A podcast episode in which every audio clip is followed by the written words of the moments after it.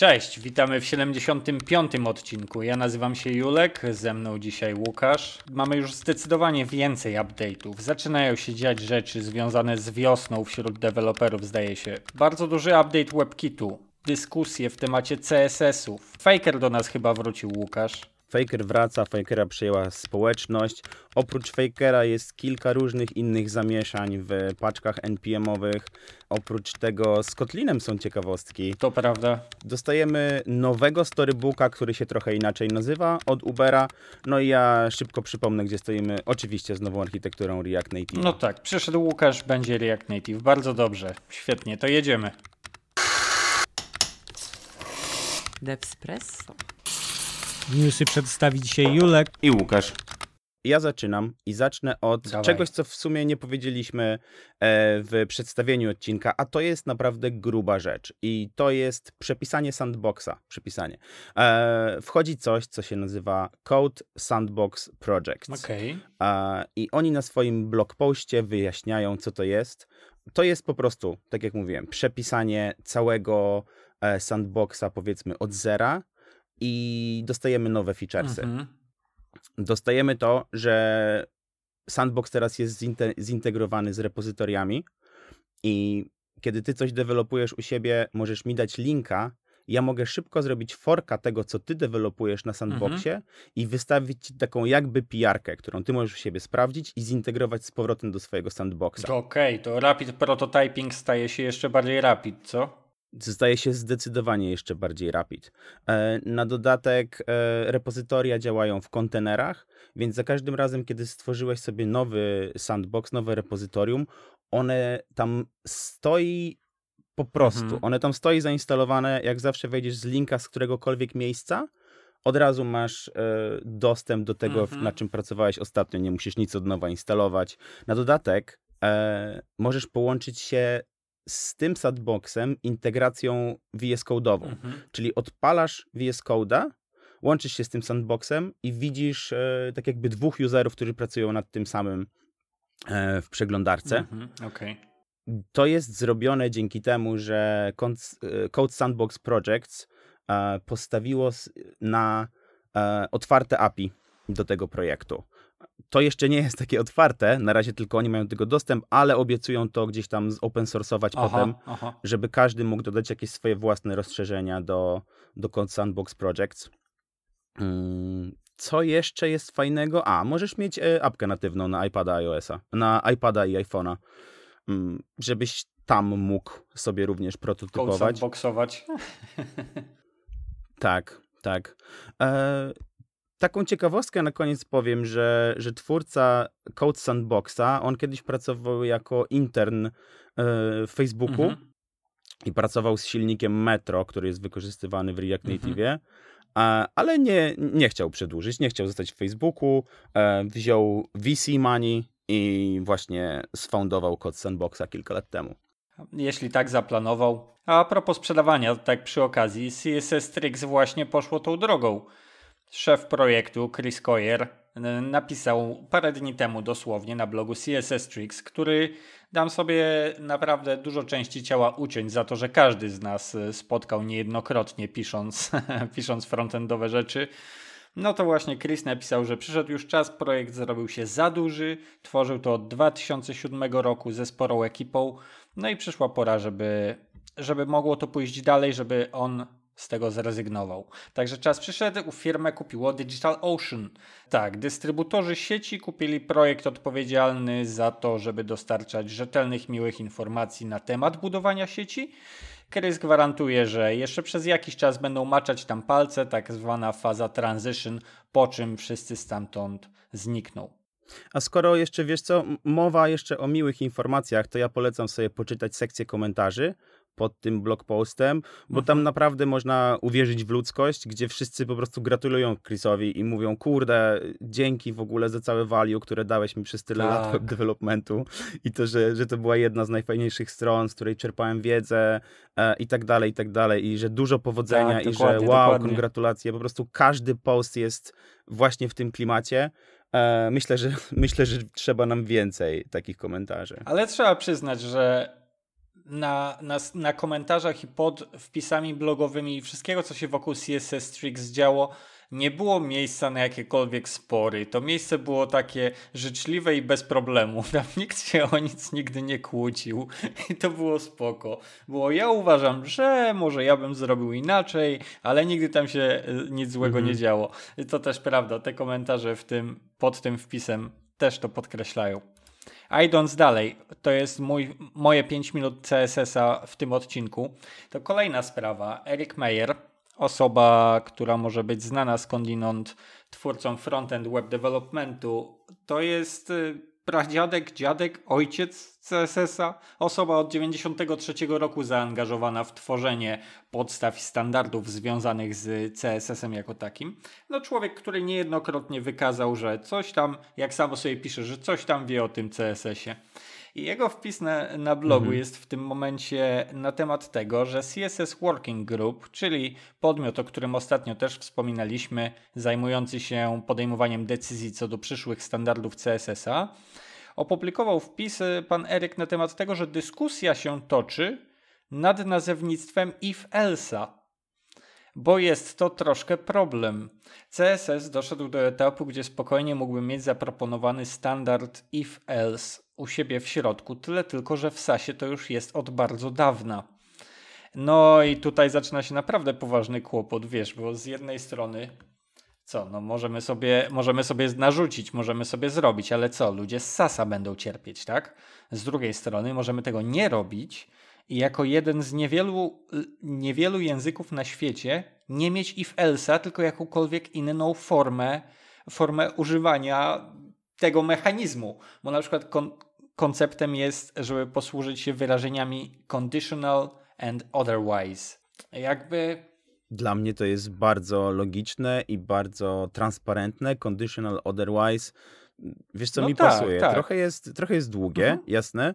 Natomiast e, użycie tego if-else'a, który gdzieś potem temu sasowi będzie przeszkadzał i tak jak w tym blogu jest napisane, czytałem to samo, że no dobra, bo tym sas będzie, co, co on tam robi? Transpiluje twojego CSS-a. No de facto. E, gdzieś e, będzie, skąd będzie wiadomo, który to jest if, no tak, tak? tak? Czy to jest if od Sasa, czy, czy w końcu Sas będzie musiał zrobić sobie breaking change'a, żeby e, wrzucić if SAS? Tak, Coś takiego? Tak, no nie tak. wiem. Jak oni mieliby to ogarnąć wtedy, prawda? Problem nie jest łatwy. Stąd też obecna propozycja jest, e, the current proposal, to jest, żeby posłużyć się when else w CSS-ie.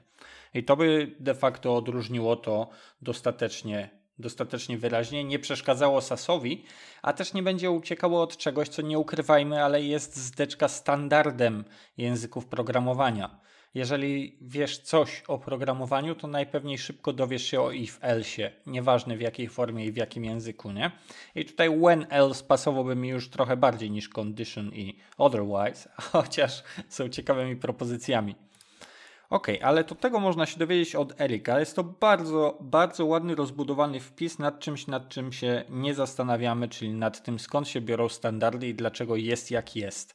A więc otóż dzieją się zmiany w CSS-ie i Erik je opisał. A ostatnia sprawa, którą przynoszę do stołu i która jest mocno związana z CSS-em również, to update Safari w wersji 15.4.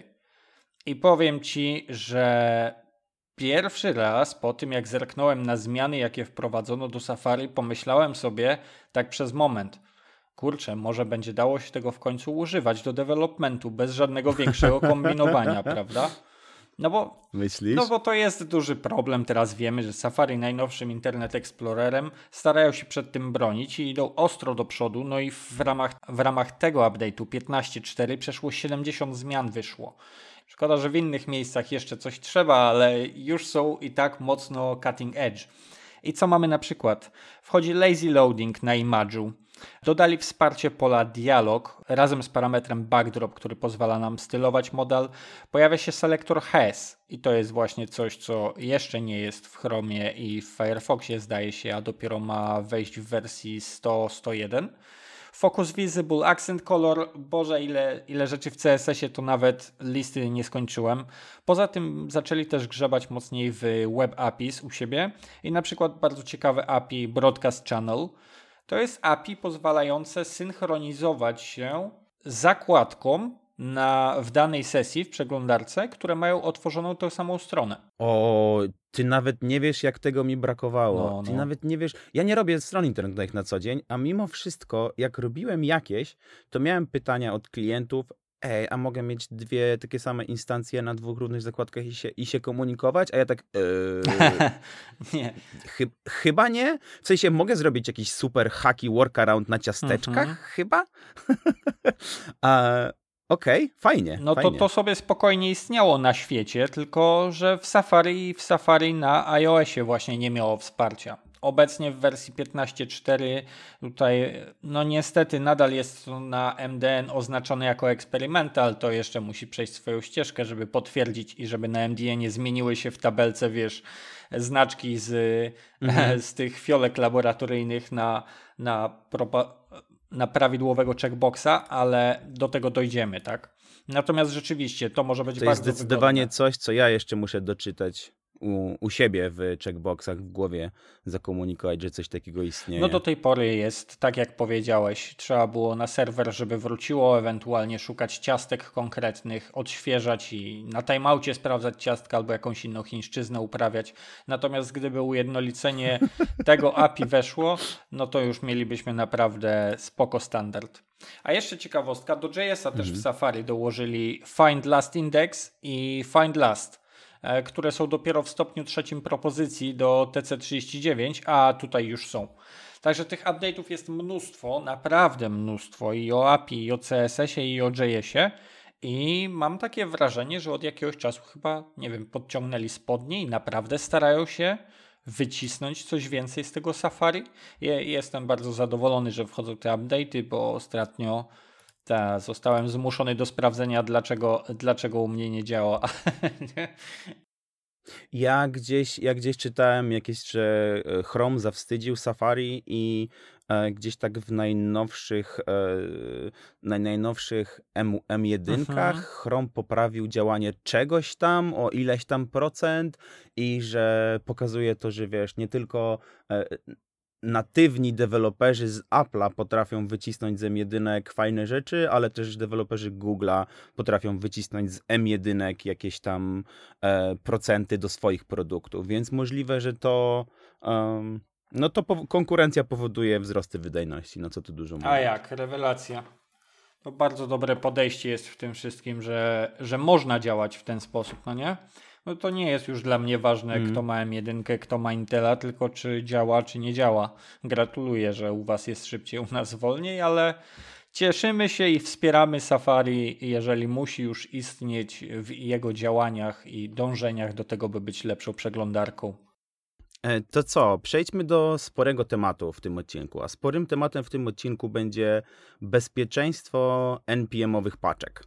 E, I chyba zaczniemy od czegoś znajomego, żeby trochę wejść do tematu i żeby go tak oswoić z tym, co już mówiliśmy, e, a potem postaramy się gdzieś tam pogłębić tematy, które działy się w ostatnim tygodniu, a było ich naprawdę kilka. To zacznijmy od Fakera. Tak jak wszyscy wiemy, Faker miesiąc, dwa, trzy miesiące temu. e, W styczniu, w styczniu. Poprzedniej już. Tak, w styczniu było zamieszanie jakieś z Fakerem. Przybliżysz temat może? Ty chyba wiesz więcej o nim Tak, niż ja. było zamieszanie. Właściciel bardzo, bardzo zamotał. W Fakerze, e, bo najpierw była paczka Colors, gdzie dołożona zostało generowanie flagi amerykańskiej i wielkiego napisu Liberty, Liberty, Liberty, a potem Faker wyszedł również od tego samego autora ze zmianą licencji, z wysokim poziomem irytacji i wydaje mi się, że nawet usunął całą paczkę, co zaczęło psuć strasznie dużo systemów, które miały ustawione w package'ach instalkę jako latest. Więc wszystko wziął i wywalił, relisując, relisując wersję 5.0 właśnie. No i była awantura, wszystko odnosiło się też do Arona Schwarza i do ogólnych spraw z wolnością internetu, tym co jest przegłosowywane w amerykańskim, w, amery- w amerykańskim rządzie, no i w ogóle na świecie, gdzie jest wolność, gdzie jest użytkownik, gdzie jest dostawca, ile też mogą wielkie firmy i ci najwięksi gracze, ile mogą brać, a jak mało mogą zwracać do open source community. Więc w skrócie, no był bałagan, nie? W skrócie był bałagan I w dużym skrócie community przejęło paczkę, właśnie wyszedł Faker 6.0, więc e, Tak. niech żyje nam Faker znowu, tak? Faker is alive. No, co jest ważne, to ten Faker, to też y, Faker oryginalnie chyba w Perlu się pojawił jako pierwszy, tak? To chyba gdzieś z tego, z tego release'a właśnie wyczytałem przy okazji, albo na ich stronie. Tak, bo zrobili pięknego faka i opracowanie, dlaczego są, czym są i co zamierzają teraz robić na Faker.js Dev. O, tutaj e, mają swoje, swoje opisy, faki i wszystko. Bardzo miło starają się wyjść z informacją, że teraz to będzie community based, prowadzone jest pełna lista kto i jak. Chcą zrobić roadmapę publiczną. No jakby trzeba przyznać, że chyba wyczyścić trochę dobre imię tego projektu. Bo Faker, tak jak wspomniałem, A to jest projekt potrzebny, bardzo potrzebny Bardzo. i bardzo używany, nie? no, bardzo, bardzo używany, to z pewnością. Ja sobie wyobrażam, że gdyby nie było Fakera, to by było coś innego, co by było Fakerem pod inną nazwą, bo nie wyobrażam sobie nie mieć tej funkcjonalności. Tak, tak jak mówię, ta biblioteka oryginalnie z Perla się wzięła tysiąc lat temu i w każdym języku istnieje implementacja Fakera. Faker.js po prostu jest implementacją na JS-a, jakby system do mokowania i symulowania dużej ilości zmiennych do, do testów, no nie? To jest zresztą rewelacyjne rozwiązanie. Dobra, to teraz sobie zróbcie kotwicę numer jeden jako paczka Faker. Teraz zrobimy sobie kotwicę numer dwa i będziemy mówić o kolejnej paczce. I ta paczka to jest Node IPC. I teraz ja nie korzystam z Node'a, ale z tego co się naczytałem dzisiaj, to ten Node IPC jest bardzo, bardzo popularnie używany Mhm. i jest używany przede wszystkim w, w CLI-u do Vue. Więc paczkę Node IPC utrzymuje gość. Utrzymuje gość, który nazywa się RIA Evangelist. I ten sam gość utrzymuje około, nie wiem, 70-80 innych paczek. Więc wyobraźcie sobie, że jest paczka, która siedzi w Vue CLI. Mhm. Vue CLI jest ściągane, nie wiem, miliony razy pewnie tygodniowo. Um, no i ten gość postanowił em, z dobrych intencji, zupełnie z dobrych intencji, zwiększyć świadomość na temat wojny, e, gdzie Rosja napadła na Ukrainę. I do tej paczki Node IPC dodał po cichu w jakimś releasie e, gdzieś tam dependencję na paczce, która nazywa się Peace Not War, którą zresztą on stworzył. I znowu ta paczka Peace Not War dostawała dostęp do systemu plików i podobno, e, nie jestem ekspertem w tym temacie, czytałem chwilę, i podobno mm, dodawała ci na pulpicie jakiś plik tekstowy z opisem, wiesz, no agresji Rosji na Ukrainę, Mhm. tak? Szczytne cele, fajne intencje, jasne, myślę, że możemy się wszyscy podpisać, ale, ale, i to ale jest bardzo duże, gdzie to zostawia nas, jako użytkowników całego systemu NPM, nie? Tak. że używasz, kurde, używasz Vue, nie wiesz nic o gościu, który ma 70 innych paczek i nagle instalując coś z Vue, dostajesz plik tekstowy na pulpicie. Zupełnie out of the blue. Mhm. No i, i też właśnie się podniosła bardzo duża burza. E, poza tym, że jest ten plik tekstowy na pulpicie, który jest, kurde, no jasne, trochę nieszkodliwy, ale trochę przerażający, że takie rzeczy mogą się dziać. E, oprócz tego ta paczka chyba robiła jakiś jeszcze bałagan jakiemuś, e, jakiejś organizacji pozarządowej, która zresztą działała gdzieś na Ukrainie czy na Białorusi. Mm, no masakra. Po prostu coś takiego się stało. No i gdzie to zostawia nas? No, gdzie to zostawia deweloperów? Mhm. To znowu, y, wrzućmy, wrzućmy dwa blog posty na ten temat do odcinka, do opisu. Polecam każdemu przeczytać. I to była kotwica numer dwa. zróbmy teraz, zróbmy teraz y, szybki materiał o kotwicy numer trzy i może ty, Julku, powiesz o paczce, która nazywa się minus, która ma jeden znak w nazwie, która nazywa się Na, minus. nawet gorzej, jakby się nazwał minus, to byś się pomylił, bo ona nazywa się myślnik. To jest, No, to jest dokładnie. ten sam- Ona się nazywa myślnik. to jest ten sam myślnik, co stawiamy przed flagą, kiedy instalujemy paczkę. Czy chcecie globalnie, czy jako dev, no to tam flaga GD, można sobie wybrać, ale zawsze pojawia się pojedynczy albo podwójny myślnik. I okazuje się, że istnieje paczka nazwana z pojedynczym myślnikiem, zresztą z podwójnym też, ale ta z pojedynczym jest zdaje się, że dużo większym hitem na NPM-ie, bo ma przeszło 700 tysięcy tygodniowych pobrań. O co chodzi, skąd paczka się wzięła i dlaczego istnieje. To nie jest żaden twór, który miał na celu komuś zrobić krzywdę albo wywołać coś złego. Brońcie, brońcie e, nic z tych rzeczy. Celem było wyłącznie sprawdzić przez właściciela, czy istnieje możliwość, żeby taka paczka powstała. Ta paczka jak najbardziej może powstać. W sumie stworzył i zapomniał o tym, że ona jest. A okazało się, że jest tak dużo pobrań, bo to jest bardzo prosty błąd. Jeżeli piszemy flagę, i niechcący zrobimy myślnik spacja, flaga i potem podamy sobie nazwy swoich paczek, to zainstalowane, zainstalowane zostaną trzy paczki. Zainstalowanie zostana paczka o nazwie myślnik, wspomniana tutaj. Myślnik? Tak, myślnik.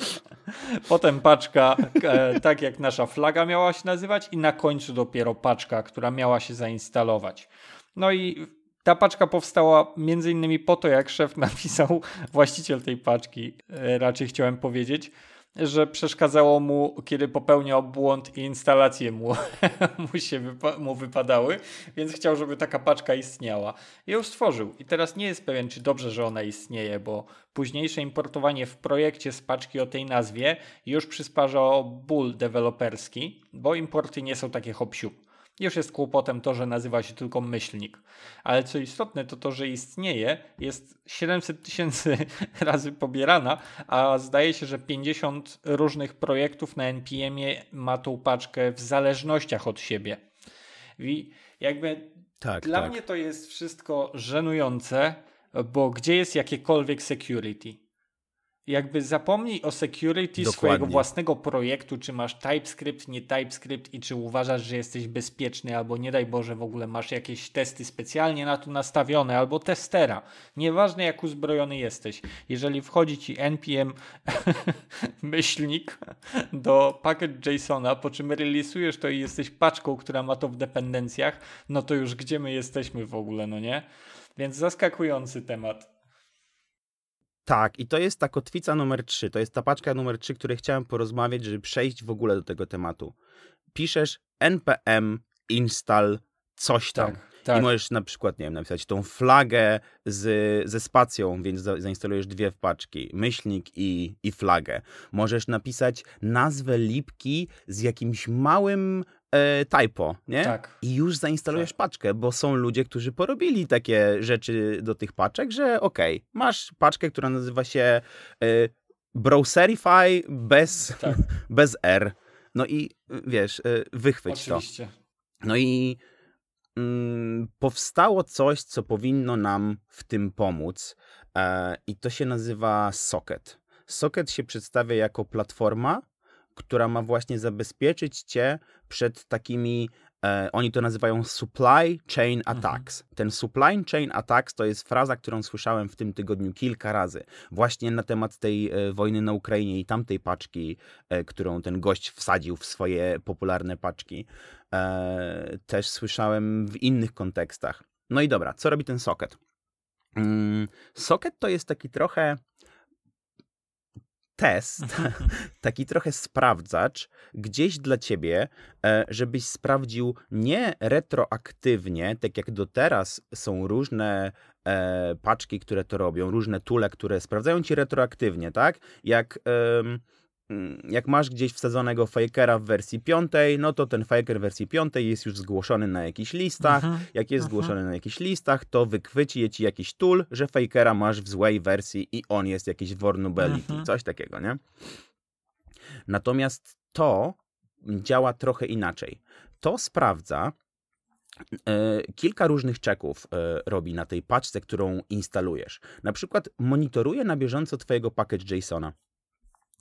I kiedy w twoim package JSONie stwierdzi, że któraś z twoich paczek, na których y, ty dependujesz, nagle, nagle zwiększyła swoje, powiedzmy, możliwości. Nagle teraz ma dostęp do systemu plików, a wcześniej nie miała, nie? I to zupełnie bez twojej ingerencji. Po prostu ty masz y, wildcarda, chcesz nową paczkę, ale nowa paczka ma mm, w tej akurat wersji dostęp do systemu plików, wcześniej nie miała, no to w jakiś tam sposób cię poinformuje, że ej, tu możliwe, że jest jakieś mhm. niebezpieczeństwo on ci sprawdzi na przykład, że paczka, którą masz w package JSONie jest jedną lub dwie literki różna tylko od nazwy paczki, która ma 10 razy więcej pobrań. Tak jak mówiłem z tym Browserify, mm -hmm. nie? który nie ma tak, R. Tak.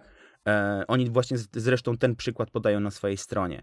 I jeśli to stwierdzi, to znowu pokaże ci, że ej, coś tu jest nie tak. Chyba chciałeś zainstalować inną paczkę, bo ta, którą zainstalowałeś, ma, nie wiem, 100 razy mniej pobrań niż ta większa paczka, która się różni tylko jedną literką. Więc. E, I jest kilka innych takich czeków.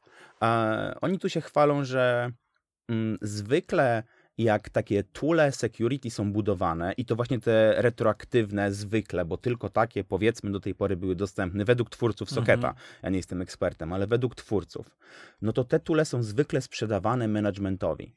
Te tule są zwykle budowane przez powiedzmy business people, mhm. przez jakiś management i sprzedawane managementowi.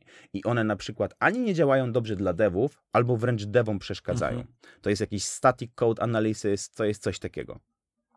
E, Socket się chwali, że on jest budowany przez open source maintainerów, którzy z własnego życia, z własnych przykładów wiedzą, jakie, e, jakie community JS-owe ma problemy. No i oni te swoje, ten swój produkt będą budować właśnie w ten sposób, żeby nie, mm, nie wykrywać, ale zapobiegać, mhm, nie? Mhm. W ten sposób. No to rzeczywiście brzmi jak rozwiązanie bolączek, o których e, wspomnieliśmy wcześniej. Tylko czy naprawdę musi do tego istnieć tool? No okazuje się właśnie, że chyba musi, bo tych opcji mamy troszkę za dużo, żeby być w stanie się przed tym bronić na zasadzie samemu zwrócić uwagę, nie? Zawsze będzie ktoś, kto będzie chciał założyć zupełnie paczkę nie... z zupełnie ciut inną nazwą, prawda? Ale to zupełnie nawet nie da rady, no bo nie obronisz się przed tym, że masz dependencję na czymś, co ma dependencję na czymś, co ma dependencję na czymś, co jest wildcardem. Mm -hmm. Więc mhm. ta dependencja 5 w dół, jak jest wildcardem, no to ktoś tam może stwierdzić, ty, z drugiej strony w ogóle, wiesz, nawet mówiąc o tej sytuacji, którą mamy teraz, skąd my wiemy, że te paczki, które są takie super mhm. popularne i które są naprawdę pożyteczne, że one nie są utrzymywane po to, po co są utrzymywane te, nie wiem, 10 tysięcy kont twitterowych, które zwykle produkują normalny content, zwykle mówią, o, poszedłem do szkoły mojego syna i coś tam, a potem mówią, ktoś mnie nie wpuścił do urzędu, bo Ukraińcy, no tak, nie? W ten tak, sposób. Tak. Mhm. I, I o ile ten gość z kotwicy numer dwa miał dobre intencje, no to jest mnóstwo złych aktorów na scenie, którzy od początku mają złe intencje, ale zachowują się w taki sposób, żeby przez 5 lat utrzymywać jakieś konto, żeby udawało, że to konto ma zarąbiście dobre intencje. No tak, nie? jak najbardziej. I to nie wychwycisz. A... Dobra, dla ciekawostki, dla ciekawostki powiem, że Piotrek ma paczkę e, swoją hmm. i wrzuciłem Piotrkową paczkę do tego sprawdzacza E, I Piotrek ma trzy zielone kółka, e, jedno żółte i jedno czerwone. Aha. Licencja na czerwonym, coś nie pasuje tej paczce. A że nie ma licencji. Piotrek obiecał, tak, Piotrek obiecał, że jak wróci z urlopu, to jego paczka będzie miała same 99. Piotrek, trzymamy cię za słowo. E, I dla ciekawości wrzuciłem też moją paczkę. Moja paczka ma dwa kółka, gdzie jest zero. Okrągłe zero. tak dwa kółka, dwa kółka pomarańczowe i jedno kółko zielone. Także e, ja też obiecuję, że dopiszę testy i dorzucę licencję. A zielone to, że readme masz napisane, tak? E, zielone to, że, że nie mam żadnych vulnerabilities, bo ja chyba na, czym, na niczym nie dependuję Aha. tam, więc. E, natomiast mam mm, czerwone, mam missing license. Mhm i mam no test i unmaintained, bo ostatnio cokolwiek tam dodałem 3 lata temu. No tak, no tak. No... Więc tak, no właśnie, na przykład jak jest unmaintained, to też jest dla ciebie jako dla deva zagrożenie, bo jeśli ta paczka zależy od spodu na czymś, no to jeśli jest unmaintained, to znaczy, że nikt nie naprawi tego w jakimś rozsądnym czasie. Tak, nawet nie są podbijane numery wersji w oprogramowaniu, tak? O ile szybko możemy oczekiwać, że Next zrobi rollout w momencie, gdy zostanie wydany React 18, bo już są pewnie na to przygo przygotowani, to ile czasu będziemy czekać na wygodną bibliotekę z zestawami hooków, której sobie używamy, żeby się podbiła i zaczęła używać, prawda? To jest kolejny, kolejny No. taki case.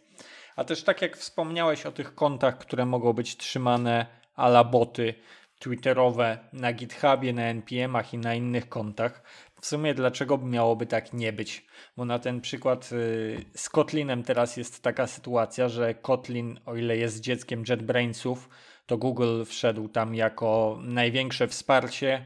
Wsparł go do tego stopnia, że z czasem był już dostatecznie zainteresowany, by wciągnąć w ogóle do Androida. Kotlin jest oficjalnym językiem wspieranym na Androidzie. Ta, to już, to już jest od dłuższego, dłuższego czasu. No, No, tak, oni chcieli do tego doprowadzić i jakby ten język miał w tę stronę iść. No i to jest porozumienie JetBrainsa z Googlem. I teraz zabawa z konfliktem międzynarodowym, który obecnie się dzieje, jest taka, że główny twórca Kotlina jest z, w Sankt Petersburgu. Ilość Rosjan, którzy się zajmują rozbudową tego języka, to jest znaczna część zespołu. E, Szef firmy JetBrains, jeden z kilku, jest pochodzenia rosyjskiego. I jakby teraz co? Teraz zaczniemy się aż tak zastanawiać? To ach, tak historycznie to trochę czasy zimnej wojny i polowanie na komunistów w USA musiałoby się wydarzyć, żeby nie wiem, wyczyścić chyba NPM z wszystkich botów. No ale prawda jest taka, że sytuacje się komplikują. Mi się podoba właśnie, że ten socket y, wchodzi, bo różne boty już są zapinane w ramach korporacji na GitHubowych kontach, na akcjach, żeby robiły testy security, vulnerabilities, testy ci puszcza i wszystko. A może sprawdźmy właśnie, czy się nie walnąłem i paczkę sensowną zainteresowałem, a nie paczkę myślnik, co? Dokładnie. Jaki to jest głupi w ogóle błąd, że robisz typo i to nawet nie jest typo w nazwie tej głupiej paczki Browserify, Mhm. To jest typo, że masz spację Tak. i instalujesz minus, myślnik Tak, jako tak. nazwę swojej paczki i ona istnieje. Dokładnie. Nie? W ogóle chwała temu gościowi, że jak, jak go to wkurzało, to sobie założył paczkę i to tyle. Tak, że tak. w sensie, że nikt inny, nie wiem, rok po nim, kogo to wkurzało, nie stwierdził, ej, to jest dobry pomysł, żeby zarobić. No. Nie? W sensie, żeby zrobić jakiej, jakąś tam krzywdę. Tak, tak.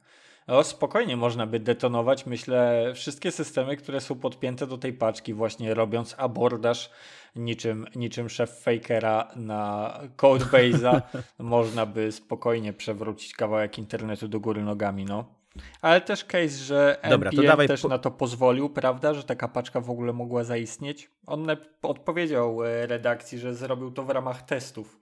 No i mu się udało.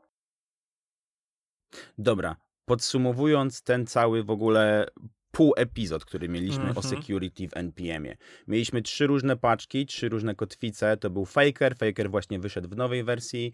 E, Druga paczka, o której musicie wiedzieć, to jest Node IPC, e, gdzie, gdzie właśnie było ten. No, gdzie wrzucił tego skrypcik, który coś ci dodaje na pulpicie, a może i coś więcej, Tak, kto tak. wie, z powiedzmy ze szlachetnych celów, ale może nie.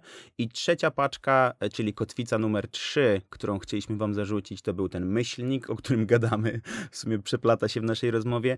I lekarstwo na to niby so socket, platform, e, platforma, która ma nas zabezpieczać przed tymi rzeczami. Zobaczymy, jak wyjdzie, będziemy informować na bieżąco. Chyba lecimy dalej, co? Tak, wierzę, że tematów miękkich mogło, mogłoby być jeszcze dużo, ale może jednak jeszcze coś w tym tygodniu takiego bliżej developmentu? No, jeszcze są dwie rzeczy. Także może ty zrób e, nam jakiś wstęp do tego, e, czemu dostajemy nowego storybooka, a ja potem zrobię tego React Native'a obiecanego. Nie wiem, czemu chciałbyś ode mnie ten wstęp, bo go dla ciebie nie mam.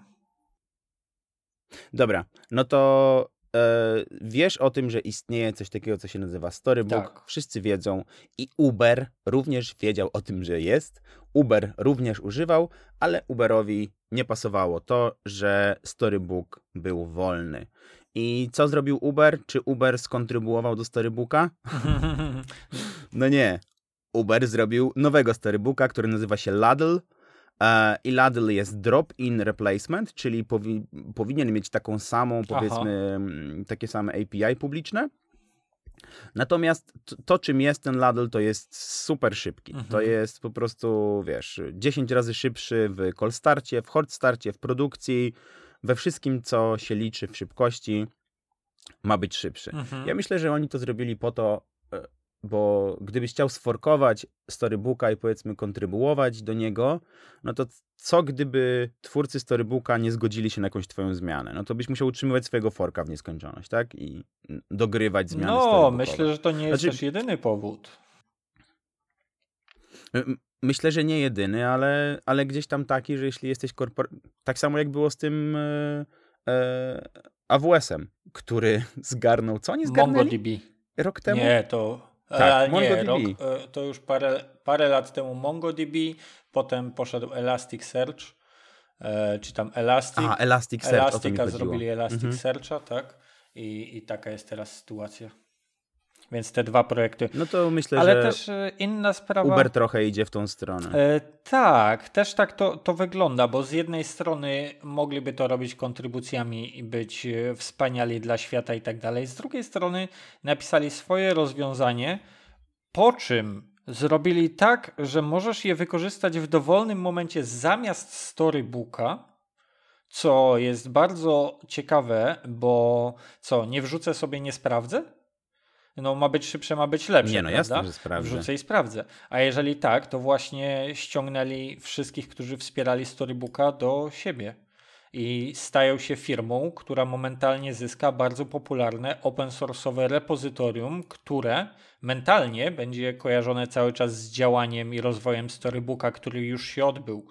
Więc w ten sposób mm -hmm, wydaje mi się, że mm -hmm, też promocja stricte w, przez świat developmentu i dostarczenie tej biblioteki jako takiej ze strony Ubera.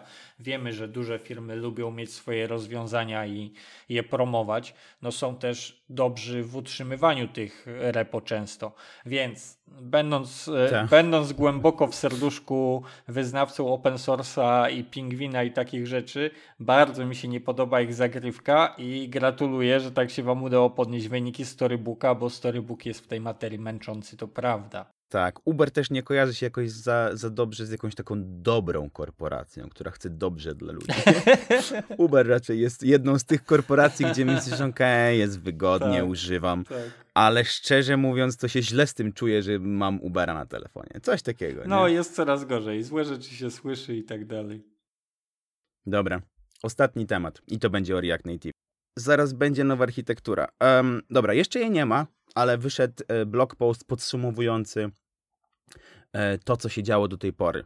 No to e, szybko, szybko przelećmy przez tego blog posta, żebyśmy byli na bieżąco. Powstała working grupa, która będzie koordynować i która będzie supportować ten rollout dla nowej architektury. Zapraszają ludzi, żeby dołączali do tej grupy. To trochę tak jak mówiłeś o tym C, CSS-ie, mhm. że jest jakaś grupa, która odbija między sobą pomysły, Aha. więc to jest taka grupa dla React Native'a, dla nowej architektury, która też odbija między sobą pomysły. Tak tworzą się te open source'owe projekty.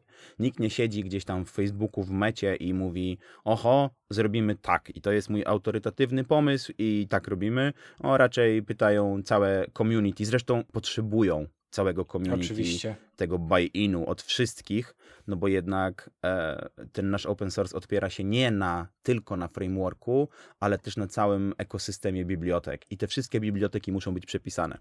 No też jedna rzecz, która mm, też e, jest dla mnie ważnym elementem, to żeby rozwiązanie zyskało na popularności, to ktoś musi z niego korzystać.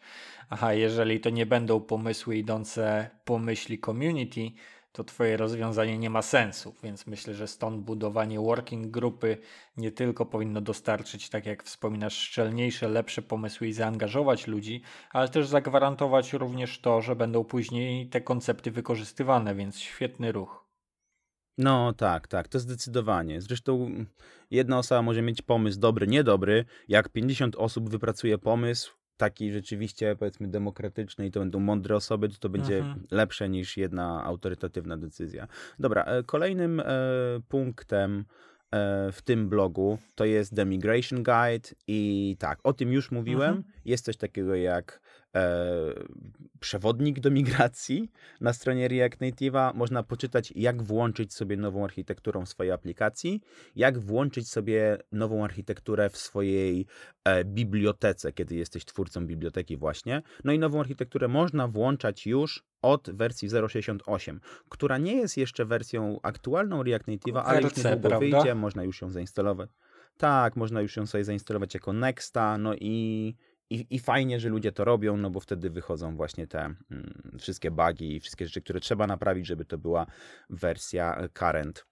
E, fajne i trochę zaskakujące, a trochę nie, jest to, że sporo bibliotek już jest w nowej architekturze.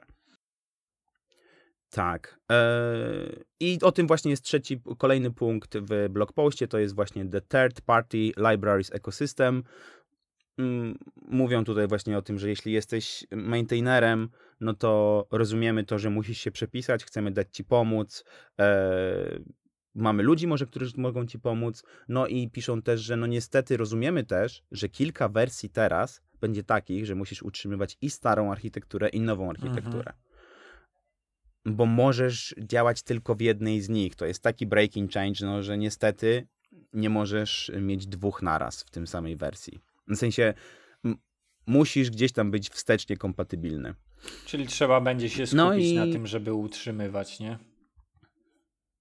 Tak, tak, jasne. No, co najmniej przez kilka wersji React Native'a, kiedy ludzie będą się jeszcze przepinać, kiedy jeszcze będą produkcyjne, duże aplikacje korzystające mhm. z React Native'a, które chcą mieć najnowszą wersję bibliotek, ale nie chcą się przepiąć na nową architekturę, bo coś. Zresztą rozumiesz, jak działają duże produkcyjne aplikacje, mhm. nie? No, raczej taka biznes raczej nie ma takiego podejścia, musimy się przepiąć jak najszybciej, raczej ma podejście, przepnijmy się jak najbezpieczniej. Jak najstabilniej Poczekajmy do takiego momentu. Przepnijmy się najstabilniej. Tak. Tak, poczekajmy do takiego momentu, kiedy będziemy słyszeć, że nikt, że nikt już nie ma żadnych problemów tak, z tą tak. wersją sprzed trzech miesięcy. To wtedy my. Ale do tej pory, a lepiej poczekać. Mamy biznes, nie? tak, to nie, jest, to nie jest twoja hobbystyczna apka do, do pogody. tak, tak. To zawsze przychodzi mi do głowy dobra rada starszego wujka dewelopera nie przejmuj się, to nie jest twoje repo. U siebie zrobiłbyś ładnie z pewnością, ale tutaj musi być stabilnie i kiedy indziej się tym zajmiemy. Tak. No i jeden z ostatnich już yy, wpisów tutaj, yy, bullet pointów, to jest, że Hermes będzie defaultowym yy, silnikiem JavaScriptu już w tych najnowszych wersjach React Native'owych. No to mega. No i to tyle. Winter is coming. Nie wiem kiedy. Mam nadzieję, że jak najszybciej cała ta tranzycja się stanie, żeby w końcu React Native mógł odzyskać trochę zaufania deweloperów, które tak jak widzieliśmy w tym State of JS, trochę zaufanie deweloperów do React Native'a podupadło. Mhm. Um, od, tego, od tego zależy moja praca, więc mam nadzieję, że, że, że React Native E, wstanie znowu na nogi. tak e, widzę w twoich oczach e, nutę po prostu dzikiego zachodu i tak mam nadzieję, że ten React Native do diabła to będzie działał, bo inaczej wody nie będzie na tej pustyni. Nie no, wyobraź sobie, że teraz musiałbym się nauczyć wszystkich e, CSS-ów. I kiedy widzę, że CSS dostaje if else, to tak sobie myślę, kurde, ja nawet nie umiem media queriesów dobrze obsługiwać, a teraz nagle muszę jeszcze if elsa dokładać do mojego e, zestawu umiejętności. Wolę się nauczyć nowej architektury React Native'a zdecydowanie. No tak, też o tym ostatnio myślałem, ale to jest na inne spotkanie temat. Czyli czy rozwijać się w technologii, czy zmienić technologię, bo utrzymanie się i w tej twojej, i w tej mojej to strasznie dużo od nas wymaga ale myślę, że między innymi po to tutaj jesteśmy dla innych deweloperów, żeby dostarczyć im te informacje i my przebrniemy przez te najważniejsze z tygodnia i wszystkim wam je podrzucimy. W tym tygodniu zdaje się, że to już wszystkie informacje będą z naszej strony. Dzięki wielkie Łukasz, że wpadłeś. Dzięki wielkie. I co? I do usłyszenia następnym razem. No jeszcze jakieś subskrypcje, jakieś lajki, jakieś komentarze, zawsze jesteśmy chętni, żeby odpisać. Jak chcecie pogadać, to nie wiem, możecie nawet do nas podbić gdzieś na privie, jak nie chcecie wpisać komentarza dużego. Zawsze jesteśmy chętni, żeby przytulić jakieś newsy na kolejny tydzień, jeśli macie jakieś fajniejsze źródła niż my. Jasne. Zawsze z chęcią. Znajdziecie nas na Instagramie, Twitterze i na GitHubie.